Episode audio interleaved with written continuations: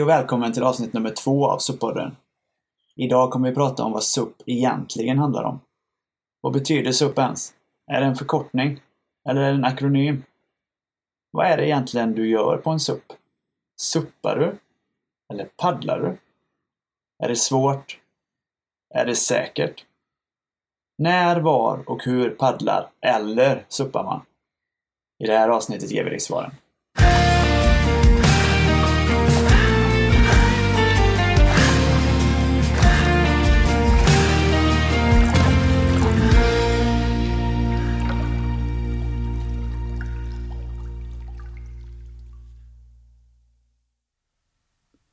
Ja, idag är det bara du och jag, Magnus, som sitter här. Eh, Joakim är tyvärr sjuk.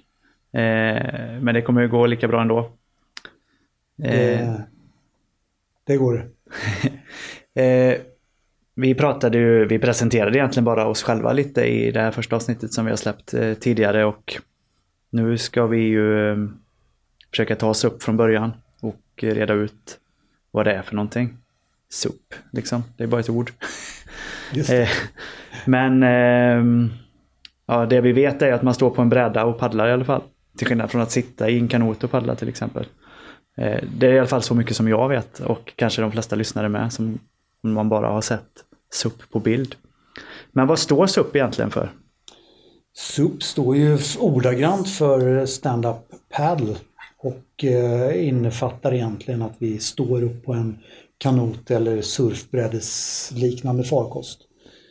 Eh, det som du var inne på här med sittande paddling till exempel, det är att vi gjorde lite studier i början här av SUP och kom fram till att stående och sittande paddling är faktiskt två helt skilda aktiviteter.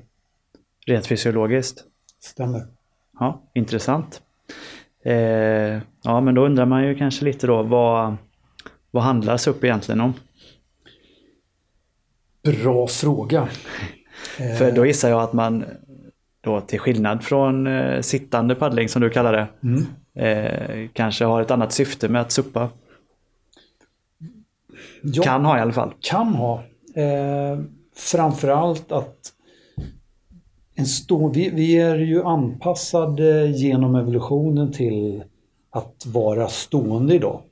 Det innebär att alla våra system, alla kroppens system är anpassade efter en stående position.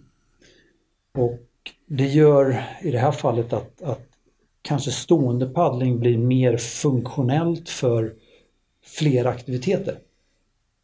Om man ska använda det till, eh, till träning då. Alltså man blir funktionell även utanför paddlingen menar du? Exakt. I, ja, kanske rent av i sin vardag då. Faktiskt.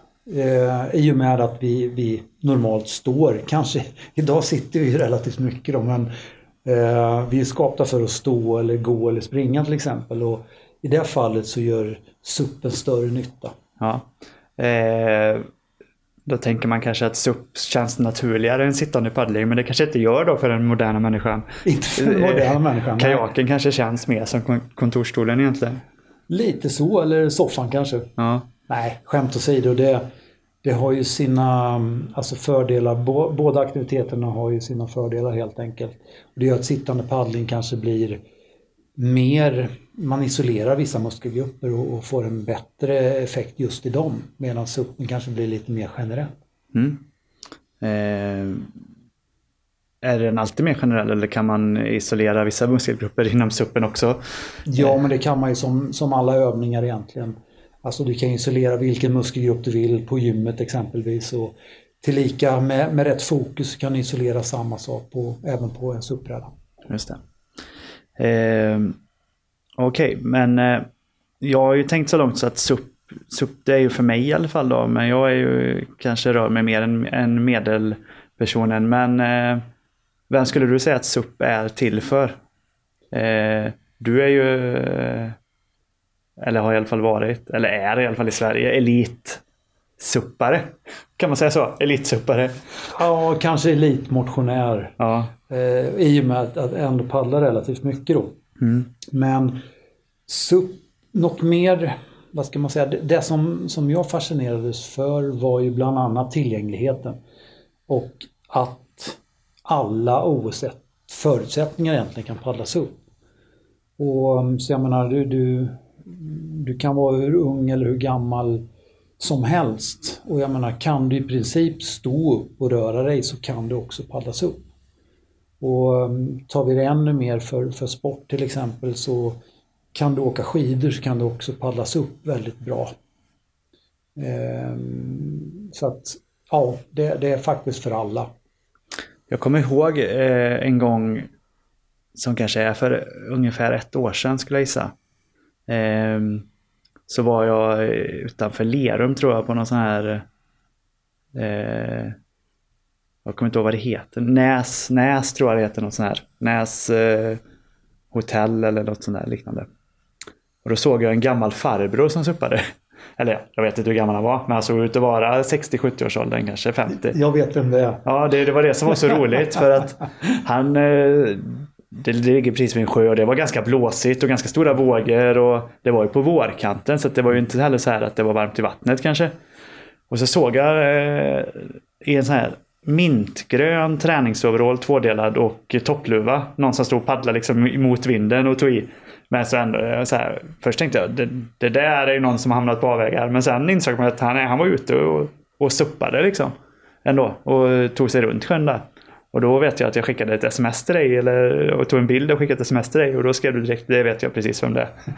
Men eh, ja, det var ju verkligen så att jag reagerade på det. Ja. Eh, lite äldre herre, du kanske vet hur gammal han är och vi kanske ska låta det vara osagt här.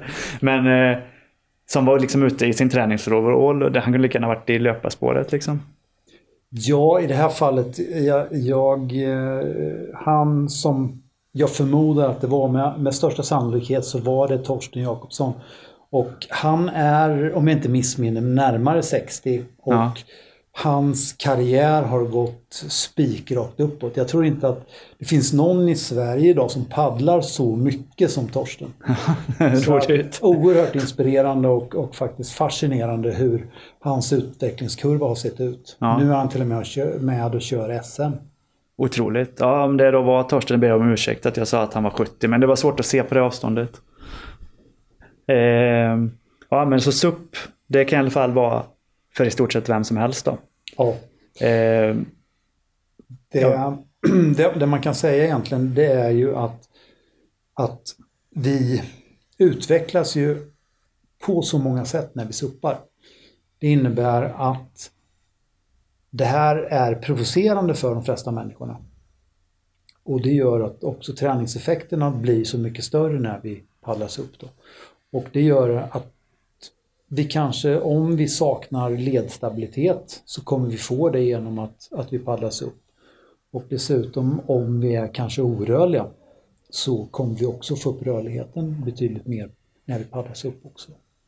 Eh, ja, det sättet som du, eller den tekniken som du eh, använder när du suppar och som du eh, kanske lär ut och coachar, det kallas ju för crosswater eftersom den har många likheter då med Eh, cross country? Ja, cross country, längdskidåkning. Mm. Eh, eh, många av de här effekterna känns det som, eh, när du pratar om det, att man får det av SUP, eh, men kanske bara av SUP. Men vad är det som gör SUP speciellt i att eh, provocera alla de här systemen i kroppen och träna dem?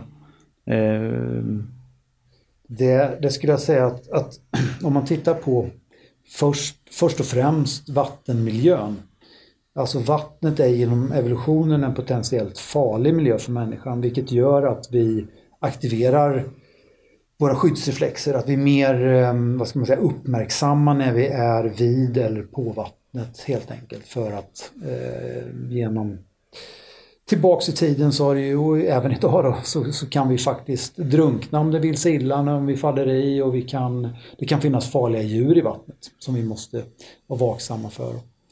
Och det gör att bara att vänja sig, bara att vi är på vattnet så kommer vi också bli provocerade här. Och det gör att ju mer vi är på vattnet och ju mer vi lär oss hantera de här skyddsreflexerna desto större effekt kommer vi få. Eh, bättre överföringseffekt får vi till annan idrott eller annan aktivitet. Även till vardags. Mm. Det gör att vi kanske känner oss mindre stressade för, för olika saker när vi är, är på land. Just det. Ehm, jag tror vi nämnde det i förra avsnittet att eh, du har surfat en del i ditt liv också. Vind, vindsurfat också, både vind och vågsurfat kanske? Nej, inte så mycket vindsurfing eh, utan mest vågsurfing. Ja. ja, för det här eh, vattenelementet har man ju där också och att man är på, eh, som jag gissar också kommer från SUP, eller är bra för suppen då, att man är på vattnet, att det är en rörlig yta man står på. Mm. För balanssinne och provocera balanssinnet och liknande. Vilket jag gissar att man har väldigt mycket i både våg och vindsurfing också. Mm. Eh, finns det andra fördelar med SUP som eh, man kanske inte har i surfing? Förutom att det kanske är mer tillgängligt då? Ja, när vi pratar om, om balans här då så är ju också det egentligen, det är en av våra naturliga förutsättningar, är att vi ska vara upprätta. Vi är skapta för att stå på två ben, vara bipedala som man säger. Och det innebär att varför blir vi stressade om vi håller på att tappa balansen till exempel? Jo, men det är för att vi är ett lättare offer om vi faller till marken. Om vi jagade till exempel av ett rovdjur och faller till marken så, så ja, det, det är inte så bra. Det är inte bra. Nej, och då vill vi då är systemen anpassade för att vi ska hålla oss upprätta så mycket som möjligt då. För att då kan vi lättare fly till exempel. Mm. Och det gör att är vi då på en, en potentiellt farlig miljö som som vattnet och dessutom provocerar balansen, då får vi ju en ännu större provocering. Alltså att lära sig hantera båda de här sakerna samtidigt ger ju också en, en, en, en snabbare utveckling för, för andra prestationer eller andra aktiviteter. Mm. Eh, vad det egentligen gör så är det att, att, när vi lär oss hantera det här så får vi också eh, så kommer vi kunna nyttja drivande muskler mycket bättre. Till exempel om vi springer eller cyklar och så vidare. Det finns en överföringseffekt där alltså? Ja. Ehm... Och det har att göra med balanssinnet då eller, eller balanssystemet? Eller ja. vad, vad, säger man? Ja, alltså det är flera system egentligen. Och, och det som vi, ett av balanssystemen är det proprioceptiva systemet som känner av till exempel var tyngdpunkten befinner sig i varje rörelse och när vi står upp till exempel. Eh, och det gör ju att, att vi till exempel i en stående position som på SUP så kan vi jobba mer med gravitationen. Alltså gravitationen kan hjälpa oss att driva brädan. Genom att, och då kostar det väldigt lite kraft i förhållande till om vi bara ska använda muskler för att driva oss framåt. Så bara genom att till exempel falla framåt och tar man jämförelse med längdskidåkningen här och dubbelstakningen då där man vill komma upp över stavarna med hela kroppsvikten för att få fart framåt då. Mm. Så är det samma sak här. Eh, om vi tar då sittande paddling så är det svårare att lägga på hela kroppsvikten när vi sitter ner på paddelbladet i mm. förhållande till när vi står upp. Så där kan man säga skillnaden däremellan hur vi driver brädan. Just det. Så, vad, eh, vad kallar du det? det pro... Proprioceptiva systemet. Just det. Eh, men då tränar man det systemet att bli känsligare då? Man, vilket sen man har nytta av när man springer helt enkelt. Exakt. Okay. Så att det proprioceptiva, man aktiverar ett mer aktiverat proprioceptivt system gör att vi får en bättre balans, vi får en bättre timing i rörelsen och så vidare. Så att vi får bättre rörelseprecision skulle man kunna kalla det. Man blir som jag sa i förra avsnittet en bättre människa helt enkelt. helt klart. Eh, jag eh, nämnde ju de här två olika surfteknikerna här, surfa i vågor och surfa med vind. Mm. Eh, det tror jag att väldigt många har en bild av vad det är och att det kanske är ganska svårt. I alla fall vågsurfing. Mm. Ehm, är SUP svårt? Eftersom jag jämförde med surfing så kanske någon tänker nu, ja SUP det är en sport som vågsurfing eller vindsurfing. Alltså ja. ganska svårt, ganska hög tröskel att börja med kanske gjorde, om, om vi tar det så här, jag gjorde en jämförelse faktiskt där man har sagt tidigare att vågsurfing har varit en av de, man har ansett vågsurfing som en av de absolut svåraste aktiviteterna att lära sig egentligen. Eh, och då, då tittar man på utifrån att vi måste lära oss vattnet att vara Alltså ett med vattnet kan man säga för att komma med vågen då. Mm. Vi måste kunna läsa vattnet och så vidare. Eh, tittar vi på en, en del av vågsurfing som man kallar för longboard och det var ju liksom ursprungssurfingen eh, kan man säga. Och det innebär att brädan är relativt lång och det innebär för att den ska kunna glida lättast på vågen så måste du stå på ett specifikt ställe på den brädan. Mm. Det innebär att man får gå fram och tillbaks på brädan hela tiden för att trimma den som man säger. Att hålla en optimal vattenlinje. Och jämför vi då med att om vi tänker så att vattnet rör sig och brädan rör sig ovanpå vattnet. Och sen då ska du gå ovanpå den här brädan som rör sig ovanpå vattnet som, som rör sig. Lägger vi då till att du samtidigt ska göra det här samtidigt som du ska driva brädan med en paddel. Mm. Så skulle det egentligen vara än svårare än, än longboard surfing eller, eller liknande. Så SUP är svårt. SUP är fruktansvärt svårt. Förmodligen det absolut svåraste du kan göra i vissa förhållanden. Ja, Medan i andra förhållanden är det förmodligen det enklaste du kan göra. just det. Så eh, om man tar en miljö där eh, man normalt vågsurfar så eh, kanske SUP är än svårare än vågsurfing. Det skulle jag säga. Men om man tar en, en annan miljö då, Göta kanal till exempel, där du och jag ändå har sopat en gång. Just det. Där det är, är vindstilla och det är nästan som en eh, inomhusarena ju. Med spegelblankt vatten. Mm. Och inga strömmar heller. Nej. Så där är det ju, jag menar, det, det är, jag skulle säga att vem som helst klarar att stå upp och paddla eh, som aldrig har stått på en bräda tidigare. Eh, det tror jag också att vi kanske berörde i förra avsnittet, men att eh, utvecklingen går ganska fort framåt på SUP-brädor. Och de är ganska stabila idag kanske mot vad de var för fem eller tio år sedan. Eh, vilket också kanske bidrar till att det blir ännu lättare att suppa. Absolut. Ja.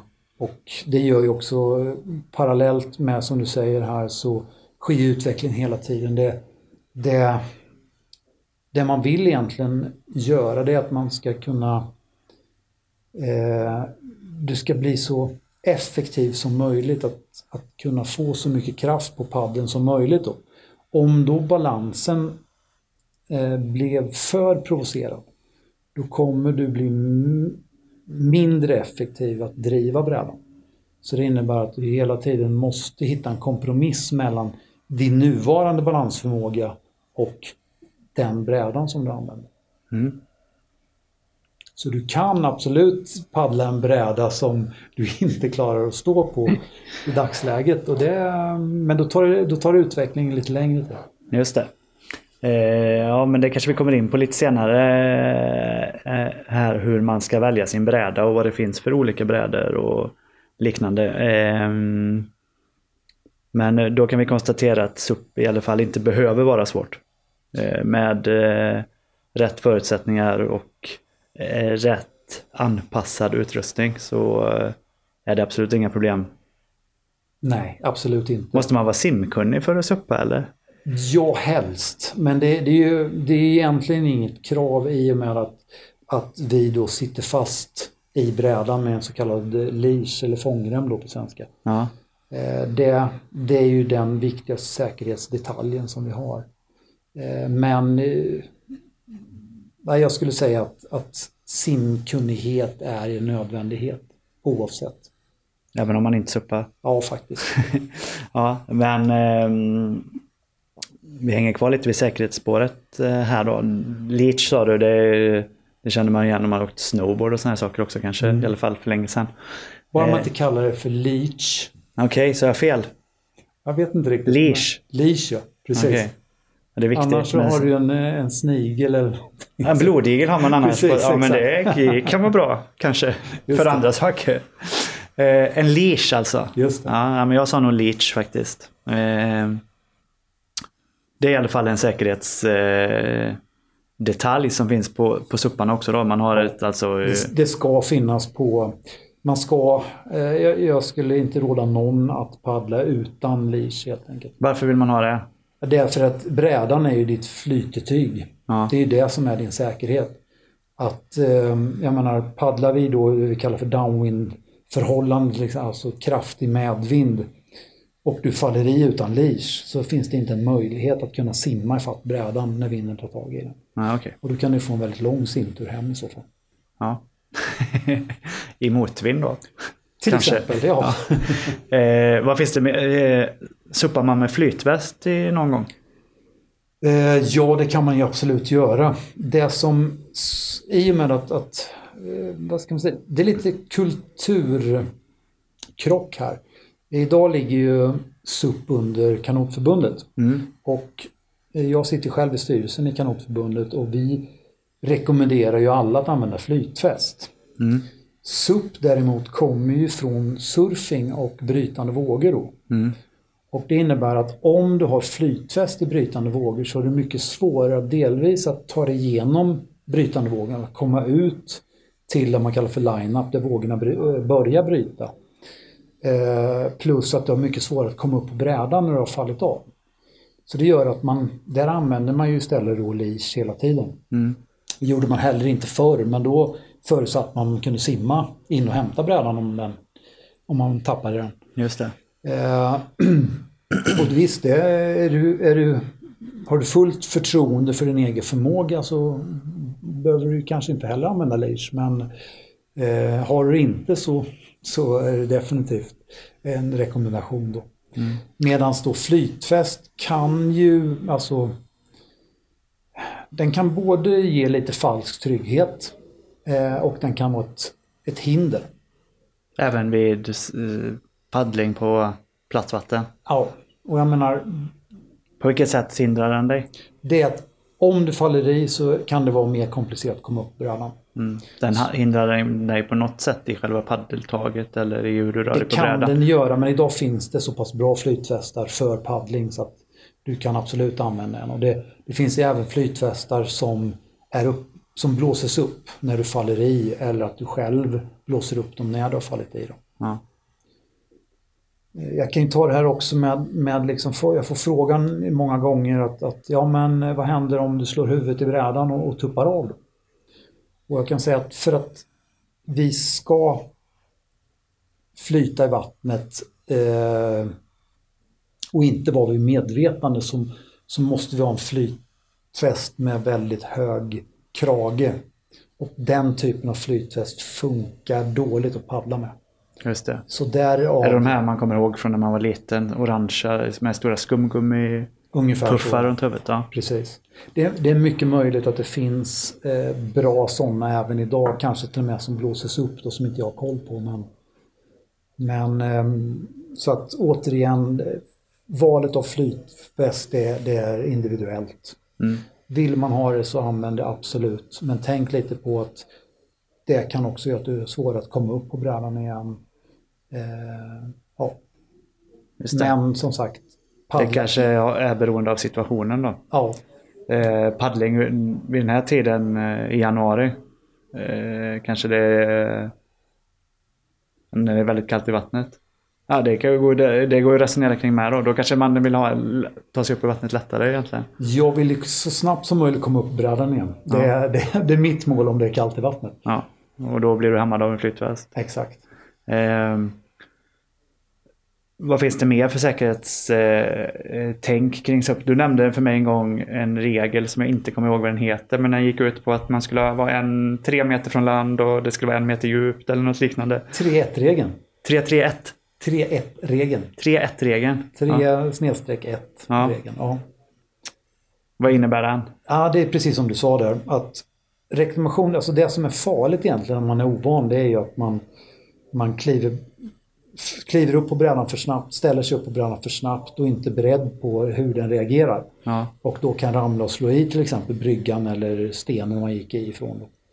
Så där så, så att rekommendationen är att man paddlar knästående så man är minst en eller tre meter ifrån land och där det är minst en meter djupt innan man ställer sig upp. Då. just det. Och det här kommer man ju förmodligen strunta i ganska snart så fort man har, har lärt sig hur brädan reagerar. Men, men eh, initialt så, så är det det som vi rekommenderar. Ja. Eh, våtdräkt. Mm. Är det något man... Eh, det, har Ja. jag, eh, det har jag använt eh, på SUP, Mm. vet jag. Eh, vad, är din take på våtdräkt på SUP? Ja, men nu kommer jag ifrån från vågsurfingen och, och är van med våtdräkt. Eh, Andra kanske inte är det. Jag vet många kanotister till exempel som paddlar i, i eh, en träningsoverall i, i bomull. Även vintertid. Eh, på grund av att man tycker att en våtdräkt då hämmar rörligheten och blir för varm. Ja, det, det... Finns det inte en poäng i det? Jo, till viss del. Men idag är speciellt vågsurfingdräkterna så pass elastiska och man kan välja dem relativt tunna då. Det gör att, att det är egentligen som att ha ett par tjockare tight på sig. Eh, Det gör att du eh, faktiskt behåller värmen om du faller i och blir liggande i vattnet en längre stund. Eh, Och den ger en viss flytkraft. Absolut så blir den varm, speciellt på sommaren. Eh, kan också på, eh, tidigt på vår och så när solen börjar skina men fortfarande är kallt i vattnet då kan, kan våtdräkten bli väldigt, väldigt varm. Men det är samma sak med, med torrdräkter. Idag finns det ju riktigt tunna och eh, stretchiga eh, torrdräkter då. Som är egentligen nästan tunnare än ett Gore-Tex-plagg. Alltså Det- skaljacka. Ja, du visade mig en sån. Det visste inte jag om torrdräkter. För mig var torrdräkt någonting som var som en klumpigare våtdräkt. I Ja, något neopren och sånt. Mm. Men du eh, visade mig en sån som jag trodde var en vanlig träningsoverall egentligen. Mm. Den var ju väldigt tunn och, ja, precis som du säger, som ett, bara som ett Gore-Tex membran egentligen. Mm. Men eh, väldigt dyra om jag förstår saken rätt. Ja, nej men rikt, alltså allting är ju relativt där men, men eh, de här oftast, de här riktigt bra torrdräkterna är ju skräddarsydda. Och den du fick testa var faktiskt en prototyp, en tvådelad torrdräkt. Ja. Med jacka och byxor som, som man då kan separera om man vill. Just det. Eh, Vilket gör det enklare att komma i och ur till exempel. Och sådana saker. Men, men då blir de ju ganska dyra. Eh, och det är riktigt bra våtdräkter är också eh, relativt dyra. En riktigt bra våtdräkt kan ju ligga kanske på, på eh, mellan 4 och 6 tusen och eh, en sån här torrdräkt mellan kanske 6 upp till 8 tusen. Jag paddlade ju i min eh, triathlondräkt. Mm. Som är gjord för simning. Mm. Eh, och det är väl också den prisklassen som på vågsurfingdräkter ungefär om man ska ha en bra. Mm. Eh, och jag upplevde ju inte något problem med rörligheten i axlar och sånt när jag paddlade för att den är ju gjord för att ha bra rörlighet i axlarna. Precis. Däremot i halsen eh, är de inte jättebehagliga när man står upp så kanske. Eh, tyckte inte jag. Nej. Men eh, då när jag paddlade, det var ju med en grupp i, i Motala som vi paddlade du och jag. Med, de hade väl i och för sig paddlat under hela hösten tror jag. Men var ändå relativt nybörjare på, på SUP. Och i december. Och de allra flesta hade ju vanliga löparkläder på sig. Eh, tights och ja, de, eh, alltså sådana här våtdräktsskor hade nog alla. För att det, det kom upp lite vatten på fötterna. Så där kan det bli kallt då i december om man bara har löparskor. Men eh, annars hade ju alla vanliga löparkläder egentligen. Eh, var min uppfattning. Det var bara jag som kom i en våtdräkt. Ja, jag tror jag hade våtdräkt också. Ja, det hade du kanske. Ja.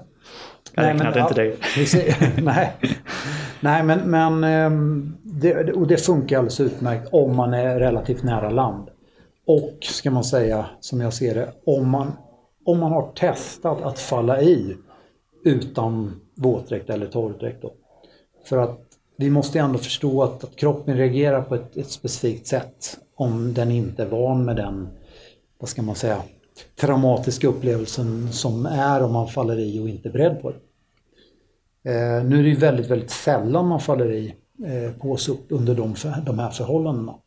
Och då kanske man väljer att, att paddla i vanliga löparkläder eller eh, skidkläder till exempel, längdskid, eh, kläder för längdskidåkning. Då. Mm. Eh, men det gör att de behåller ju inte värmen när de blir blöta i den bemärkelsen. Så då, Då vill man ju snabbt komma upp på brädan igen och, Och snabbt in. upp på land Ja. för att därigenom ha ombyte till exempel. Just det. Ehm, Så att våtdräkten är ju för att göra det mycket behagligare. Du vågar kanske eh, våga ta ut rörelsen mer. Du vågar provocera dig själv mycket mer. För att, att falla i har egentligen ingen betydelse även om det är mitt i vintern. Nej, det eh, min, upplev min upplevelse då. Jag har paddlat två gånger nu i vinter eh, tillsammans med dig. Första gången själv och andra gången med den här gruppen. Och jag trillade i då när vi paddlade första gången du och jag. Då var det dock inte riktigt så kallt i vattnet. Då var det väl eh, någonstans mellan 5 och 10 grader kanske i vattnet. Var det, var det i november? Ja, det var i november. det. Ja. Så att, eh, och jag hade våtdräkt på mig eh, då också. Mm. Så att eh, det var ingen sån chockupplevelse att trilla i. Nej. Däremot så var jag ju... Jag tror vi suppade en timme ungefär Mm. och det var mot slutet av den timmen som jag trillade i eh, till slut. Och jag var ju väldigt... Mycket av eh, min tankekraft gick till att inte trilla i, kändes det som. Och jag var väldigt spänd och blev väldigt trött i fötterna och liknande så här saker. För att, eh, och böjde mig ner ofta för att det kändes som att jag var på väg att trilla i. Däremot efter jag hade trillat i så var jag ju avslappnad på ett helt annat sätt. Mm.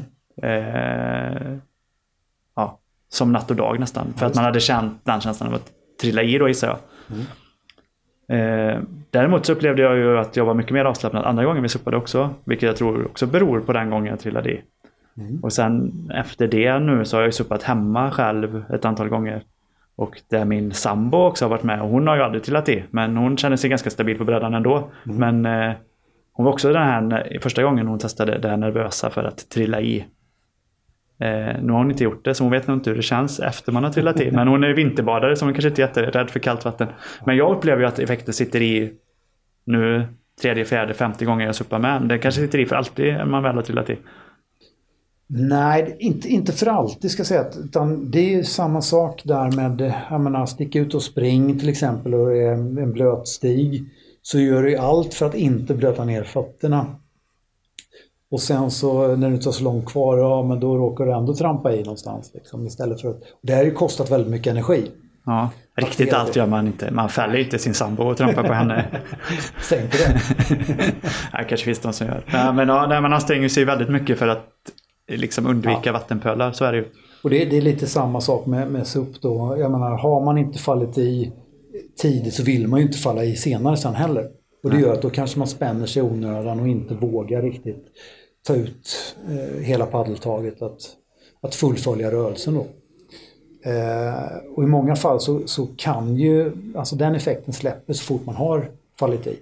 Och jag vet ju själv att man, man är ute och paddlar själv långt ut i havs. Eh, det är mörkt, slår upp vågor mot svarta klippor och sådär och, och man känner att man börjar bli stelare och stelare i kroppen. Det kanske inte är där man ska börja suppa men Nej, eh, men det tar jag för eget, perspektiv. Ja. Och då, då, där kan man ju, alltså, eller där, där får jag faktiskt hoppa i frivilligt. ja, okej. För att liksom komma in i paddlingen igen. För att jag känner att det, det begränsar mig att, att ta den här anspänningen. Så det kan man alltså göra, för det tänkte jag nästan fråga nu efteråt här. För att eh, om vi ändå då talar till dem som är nybörjare på SUP eller som kanske inte ens har suppat. Eller köpt en SUP-bräda eller testat, hyrt, lånat. Som inte har stått på en SUP-bräda än. Vart, liksom vart man ska börja rent eh, miljömässigt. Så vill man ju börja på ett, eh, på ett ganska lugnt vatten nära land gissar jag. Men Istället för att göra som jag då, paddla på tills man trillar i. Skulle man kunna börja med liksom att provocera sin bräda tills man trillar i? Och skulle det ge samma effekt? Ja, Att man liksom testar hur långt man kan luta sig eller sådana saker? Det- Så som du gör då när du är ute och hoppar i. Den, den eh, alltså det sätt, vi kallar det här för, för det finns ju liksom ett träningskoncept som vi kallar för brädkontroll. Och det är det första man ska egentligen göra eh, Eh, med sin bräda. Det är att testa vad, hur kan man använda den? Hur mycket kan man tilta den i sida? Hur mycket, var kan man stå på den och så vidare innan den, den flippar. Och ju bättre man blir på det här desto mindre rörelse krävs för att kunna styra brädan och, och, och, och manövrera den. Då. Och det är ju eh, optimalt är faktiskt att, att kanske sätta på sig en, en, en varm våtdräkt. För du kommer inte paddla kanske speciellt långt men du kommer bada desto mer. Och tycka att det är helt fantastiskt. Eller göra det på sommaren. Ja, Slipper det man kan våtdräkt. Exakt. Man behöver ju kanske inte börja med det i januari. om man inte befinner sig på andra sidan jordklotet. De flesta börjar nog förmodligen inte förrän kanske i, i maj-juni där någon gång. Nej. Eh, ja men det är bra att vi har ändå kommit igång här i januari med det här. Då, Just hinner man ju, då är man väl förberedd i maj kan man säga. Eh, Jo, jag bara ett, en kommentar kring våtdräkt där till exempel. Och det är ju att eh, vi ser att, att inte använda en våtdräkt med fast huva. Ja, Många vågsurfingdräkter, speciellt vinterdräkter och så, är väldigt tjocka och har en fast huva då. Men det gör att man blir väldigt låst i sitt rörelsemönster med den här huvan. Så det är bättre att använda en typ mössa i neopren då, våtdräktsmaterial. För att då kan du röra huvudet mycket mer. Och du fryser inte allt så mycket om liksom nacken och halsen som man kanske tror. nej. Simmössa kanske? Simmössa kan också funka. Eller dubbla simmössor? Ja, det skulle funka absolut. Ja, men vi har berört, eh, vi har några frågor här. Var, var kan man paddla och när på året kan man paddla och i vilka väderförhållanden? Vi har berört alla de tre lite grann nu ändå känns det som. Men eh, vad kan vi säga om det ändå? Är det någonstans man inte ska paddla? Kanske. Du, du eh, pratar om att vara ute på havet i, i skymningen om vågorna slår upp mot mörka klippor. Eh, där kanske man inte ska börja paddla men det, finns ändå, det kan man ändå göra då uppenbarligen. Ja, absolut. Eh, nej, det är inga konstigheter bara man är liksom, eh, vad ska man säga, man har eh, tänkt igenom konsekvenserna. Det som man inte ska göra till exempel det är ju att paddla för nära, eh, vad ska man säga, eh, vattenintag, alltså slussar och, och sådana saker. Eh, Det har nämligen eh, råkat ut själv, kommit för nära och blivit eh, nedsugen igenom någon slussmynning där. Asså? Men det var inte så högt så det gick bra ändå. Men det var jobbigt att komma tillbaks.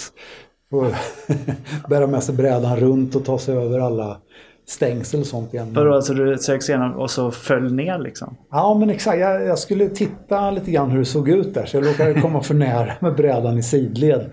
Och eh, det fanns inte en möjlighet att, att liksom försöka att paddla ur den situationen utan det var bara att följa med rakt igenom.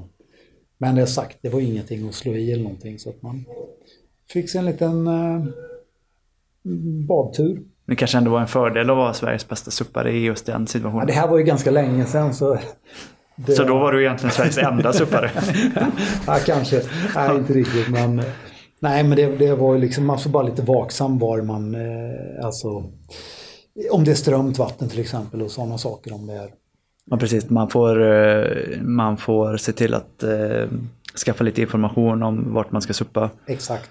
Eh, Men, men Anna, för övrigt så spelar det nästan absolut ingen roll vilken typ av vatten man paddlar i. Det går ju, jag menar minsta lilla tjärn till öppet hav som sagt är ju paddelbart. mm.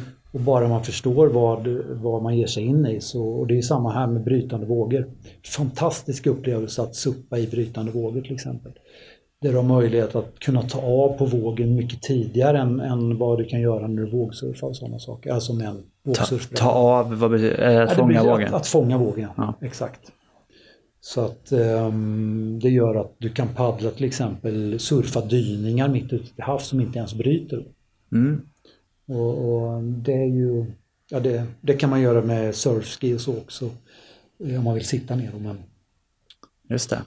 Men eh, ja, rekommendationen då, om man inte har jättemycket vattenvana eller brädvana eller så här och ska börja suppa, då kanske ändå insjö eller vattendrag som gäller. Vattendrag som inte är så strömma. ja, stilla vattendrag. Och det jag skulle säga att det ger de optimala förutsättningarna. Ja. Risken är att om man, om man tar, tar det ut i för svåra förhållanden från början så kommer du också, vad ska man säga, du har svårare att förstå hur du styr brädan, hur du använder padden och hur du använder kroppen för att driva brädan.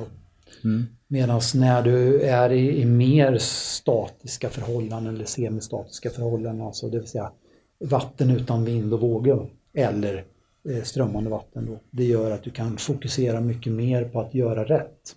Som du sen successivt kan, eh, kan anpassa till, till mer krävande förhållanden. Just det. Vad, men vad eh, kan man egentligen använda suppen eh, för sen? Vi pratar mycket om att träna och att suppa och alltså det är kanske är svårt att förstå vad det är man egentligen gör. Eh, Om man, man kan suppa fram och tillbaka mellan två bojar och ta i allt vad man orkar. Eller man kan ju då kanske som du suppa ute till havs. Eh, Det är kanske är extremvarianten då som man kommer till långt, långt om 20 år i sin utveckling.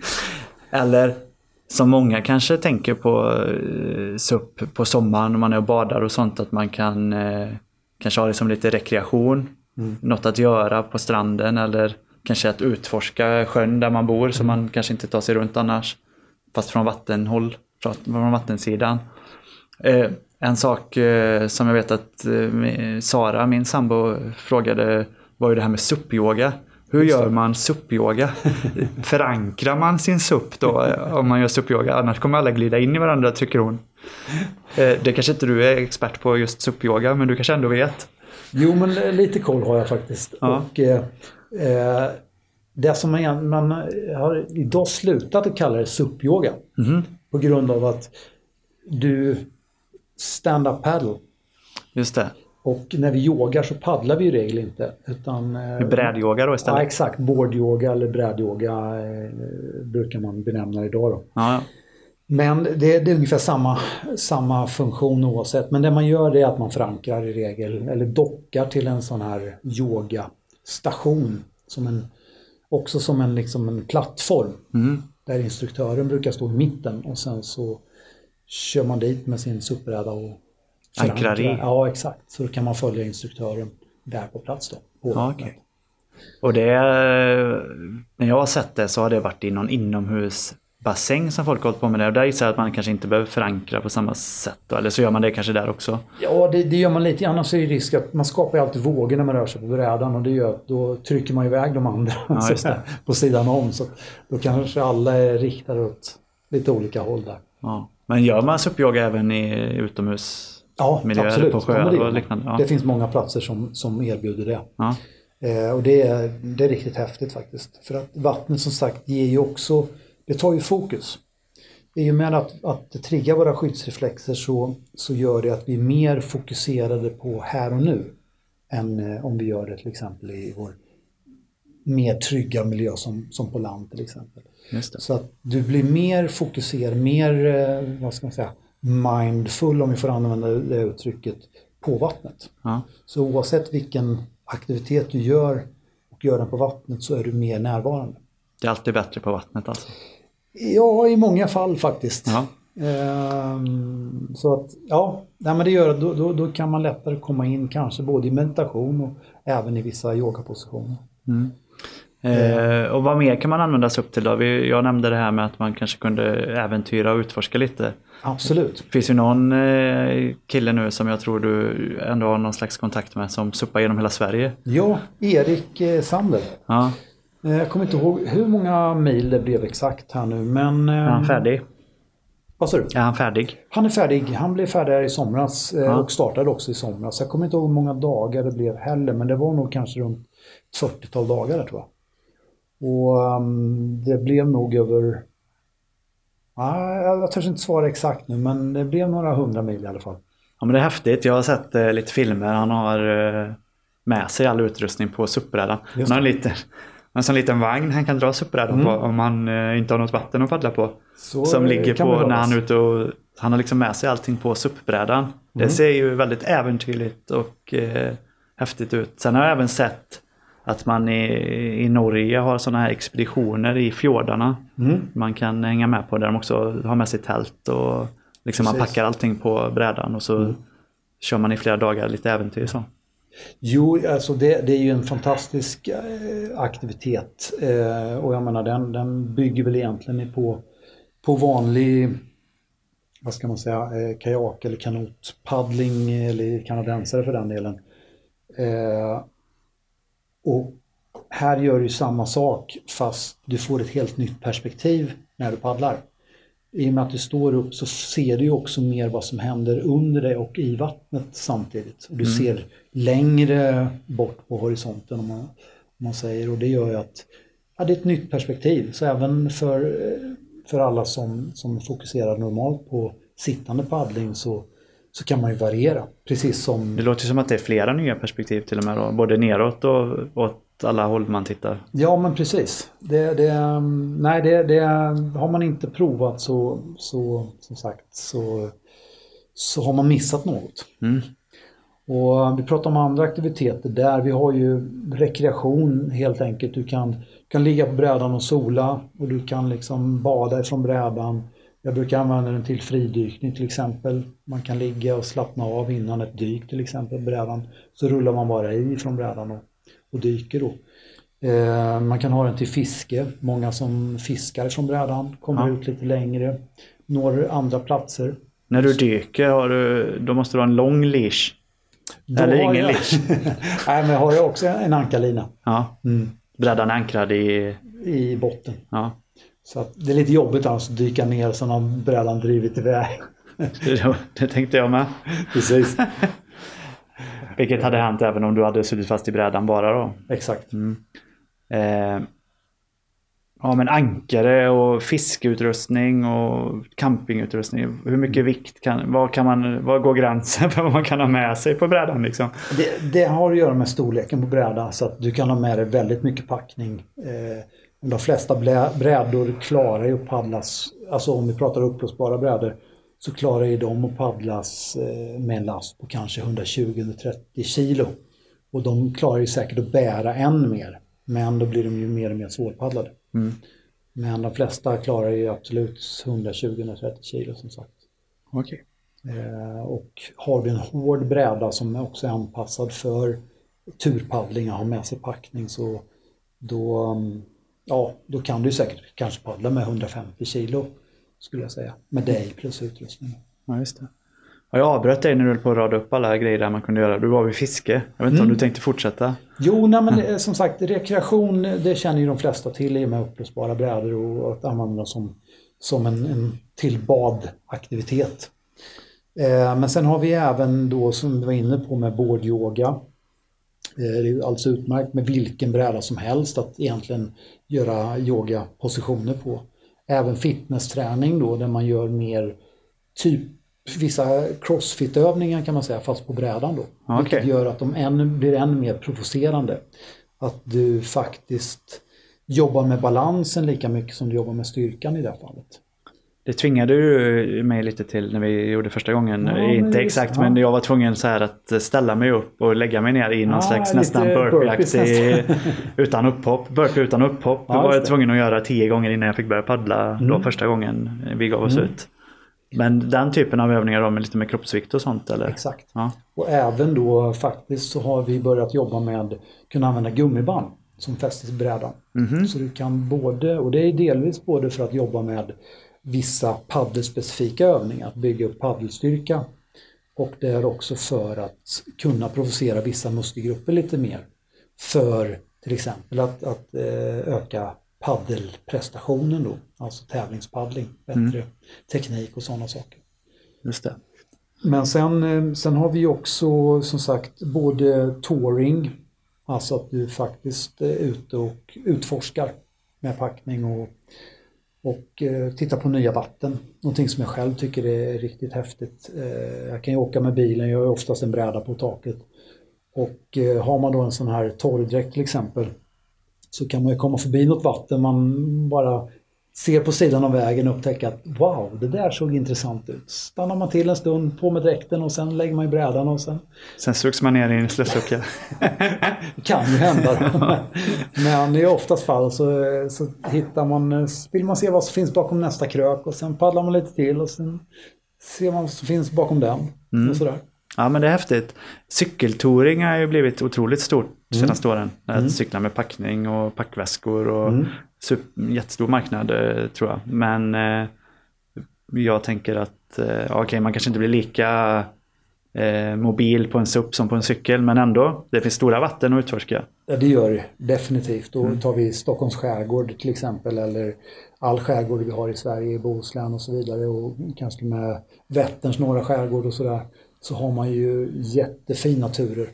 Alltså dags eller veckoturer till och med liksom som man eh, absolut kan få med sig packning till och förnödenheter.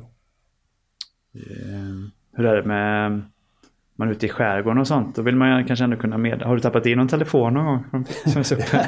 Det har jag ju faktiskt gjort. Men det var bara för att eh, jag hade stoppat in den i våtdräkten och sen råkade jag inte...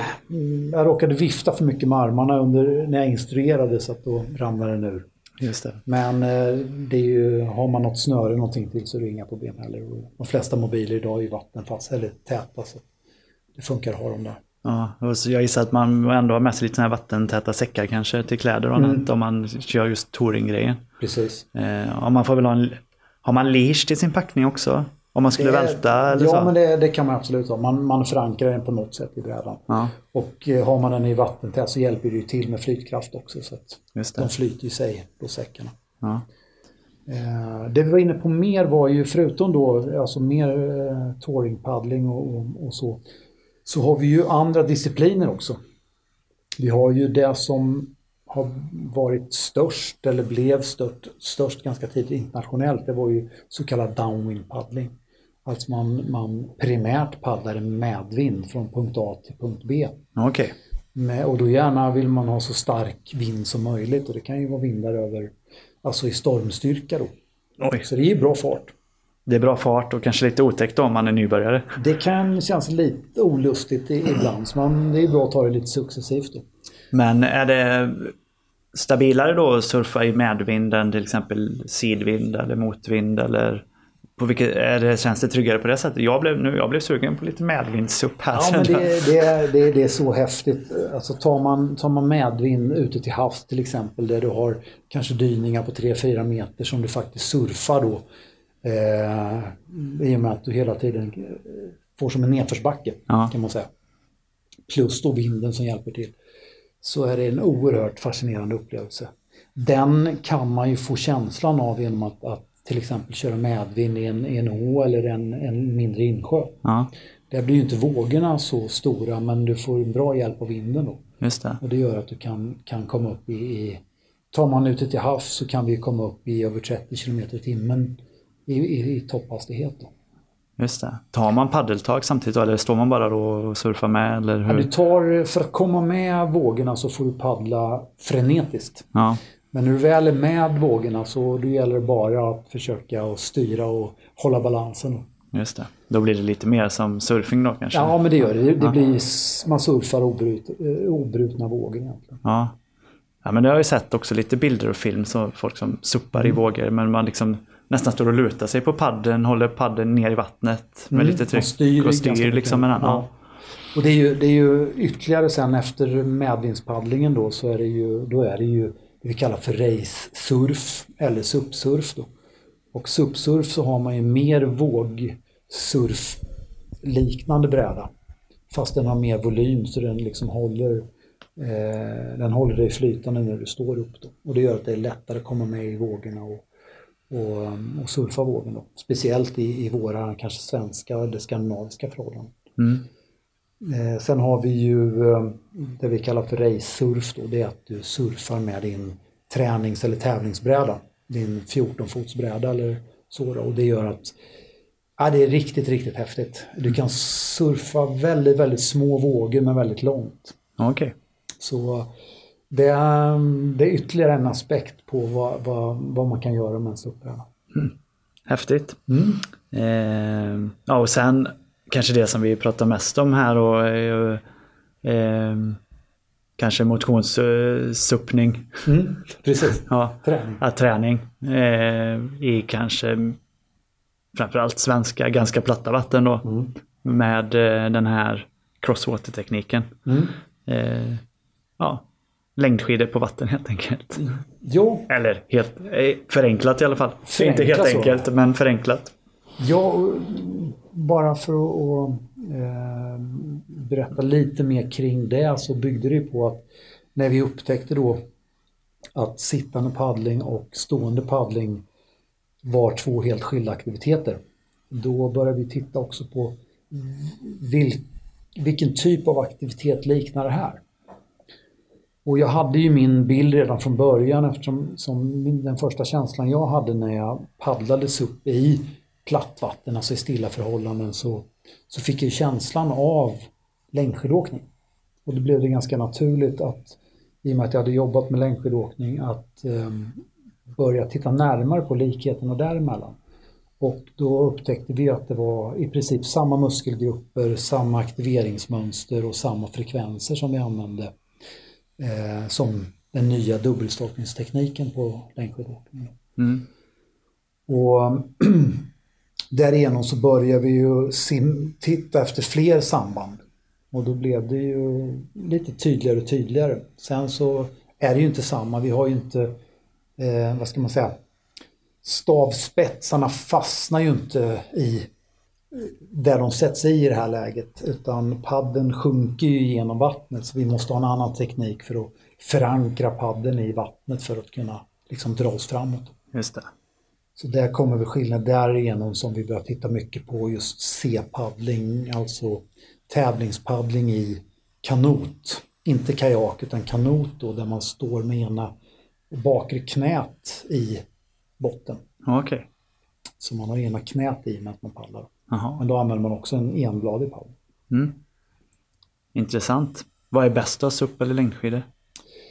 Det, det, det, jag, jag, båda har ju sin charm helt enkelt. SUP är svaret. Nej, jag, jag vet inte. Eh, Men kan man använda, eh, kan man suppa som eh, träning för längdskidor till exempel? Det är så att man kan göra för du säger att det finns en överföring till alla andra idrotter. Men om man då säger att du ska åka Vasaloppet eller något liknande. Mm. Och eh, du vill träna hela året. Mm. Vilket eh, gör att eh, traditionellt sett så är du förpassad till stakmaskin eller rullskidor på mm. sommaren. Vilka båda är jättetråkiga och ocharmiga. Hade SUP kunnat vara ett lika bra alternativ eh, för skidåkning om man ser till träning sommartid då? Ja, definitivt. Och till och med faktiskt för jag kan säga så här, det vi har sett genom, genom längdskidåkningen och träning för längdskidåkning och till exempel rullskidor då, det är att tittar man på, på gemene man som kör Vasaloppet så använder de flesta största delen av energin till att hålla balansen. För man är ovan med att kanske köra spårlöst och vilket det blir om man startar i de bakre eh, startleden och så vidare. Att du tränar kanske i bättre förhållanden än vad du kommer att tävla i eller när du kör Vasaloppet. Då. Och det är samma sak när det gäller rullskidor, att de flesta som tränar rullskidor kanske tränar rullskidor alldeles för sällan. Det innebär att du faktiskt överför en sämre rullskidteknik till eh, längdskidorna. Mm. Och då kan man fundera på varför har vi en sämre teknik på rullskidorna? Det är att det inte är riktigt samma rörelse som på, på skidorna och dessutom så är det betydligt mer obehagligt att falla på asfalt i hög fart än vad det är att falla på snö på mm. skidorna. Då. Det gör att de flesta blir väldigt försiktiga med att ta ut rörelsen på rullskidor.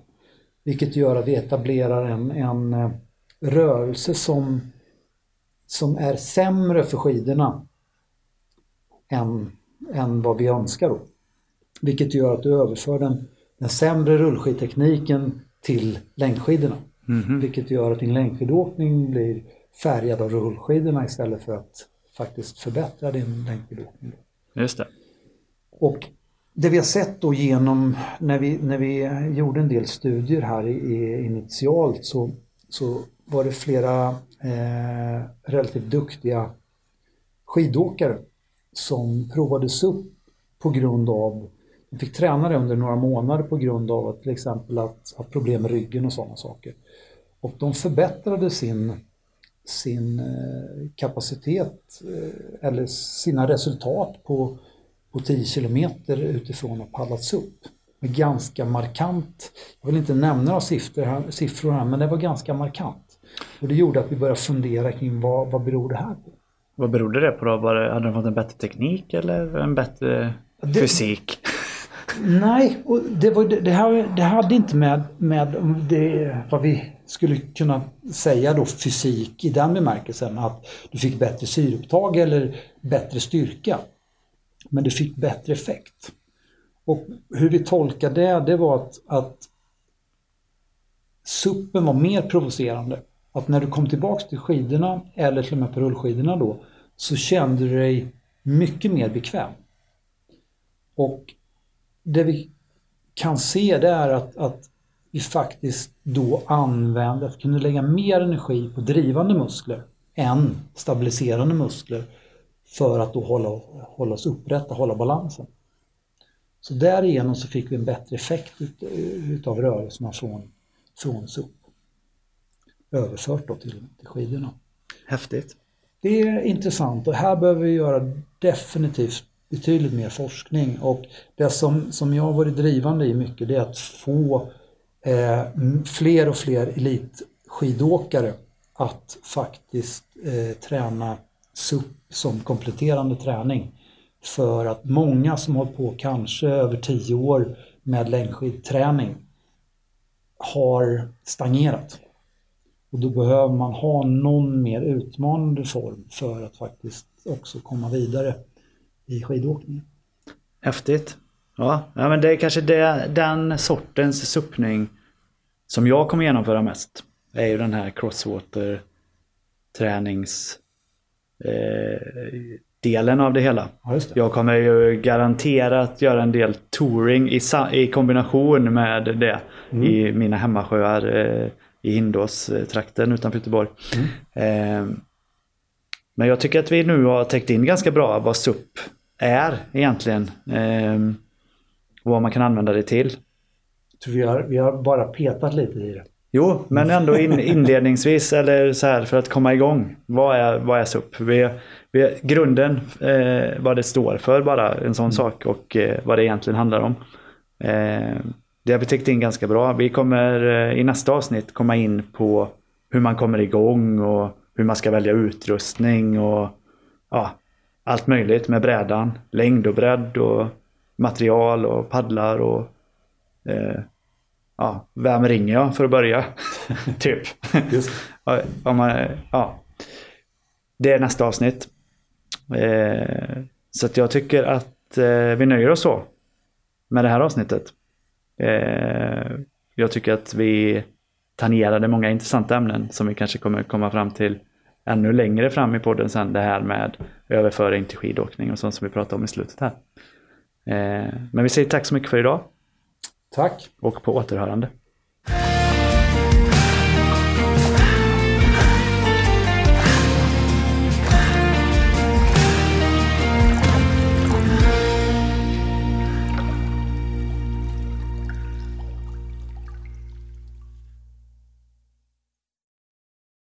Du har lyssnat på avsnitt nummer två av SOP-podden. I början av det här avsnittet nämner Magnus att studier gjorts på skillnaden mellan stående och sittande paddling. Studierna är gjorda av Kanotförbundet med stöd av Riksidrottsförbundet. Jag hoppas att du har fått svar på alla dina frågor om vad SUP är. Om du har frågor kring det vi har pratat om i det här avsnittet eller andra frågor som rör SUP så kan du nå oss i SUP-podden via sup-podden.se sup-podden.se om du som jag har målet att spendera så mycket tid som möjligt ute på vattnet så finns det en del saker som är bra att tänka på innan du ger dig ut dit. Och det kommer du få höra om i nästa avsnitt. Vi hörs!